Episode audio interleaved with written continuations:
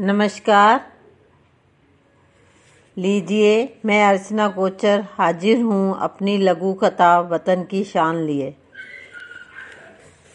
Phone की घंटी बजते ही रमा देवी तथा उनके पति राजेश बड़ी उत्सुकता तथा तीव्रता से फ़ोन की ओर बढ़ते हैं।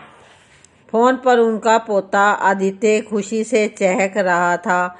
दादी माँ, दादाजी मेरा फौज में लेफ्टिनेंट पद पर चयन हो गया है।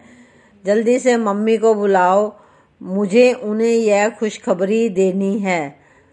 रमा देवी, भगवान का लाख लाख शुक्रिया अदा करते करते ना जाने कहाँ खो गई। इसी तरह की खुशखबरी आज से सताईस साल पहले उनके बेटे दीपक ने सुनाई थी। तब उन्होंने खुशी से भगवान के सभी द्वारों पर प्रसाद चढ़ाया तथा गले गली मोहल्ले रिश्तेदारों सभी का मुँह मीठा करवाया। दो साल बाद बड़ी धूमधाम से गाजे बाजों के साथ सुंदर सलोनी नेहा को बहू के रूप में घर ले आई। शादी को अभी साल ही नहीं हुआ कि आतंकवादियों से ले, लोहा लेते हुए दीपक का पार्थिव शरीर तिरंगे में लिपटा हुआ आया।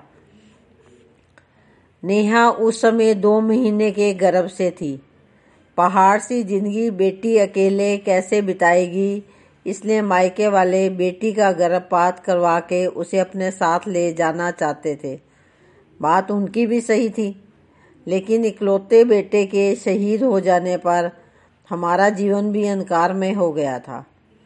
हम नेहा तथा उसके माता पिता के आगे मनुहार करने लगे।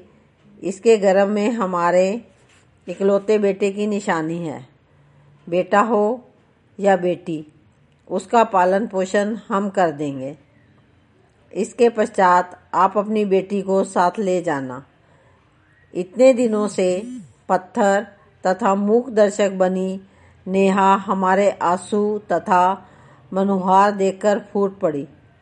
मेरी गोदी में सिर रखकर बोली, माँ, वतन पर एक बेटा कुर्बान हो गया है तो क्या हुआ?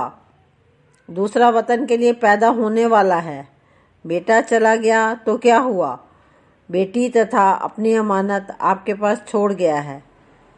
नेहा जैसी बेटी पाकर हम गदगद हो गए। उस दिन लगा, ना जाने कितने पुण्य कर्मों का फल आज हमने पा लिया। तभी रमा देवी की तंद्रा भंग होती है, तथा खुशी से आवाज़ें लगाती है। बेटा नेहा, जल्दी आओ, आदित्य का फ़ोन है। धन्यवाद।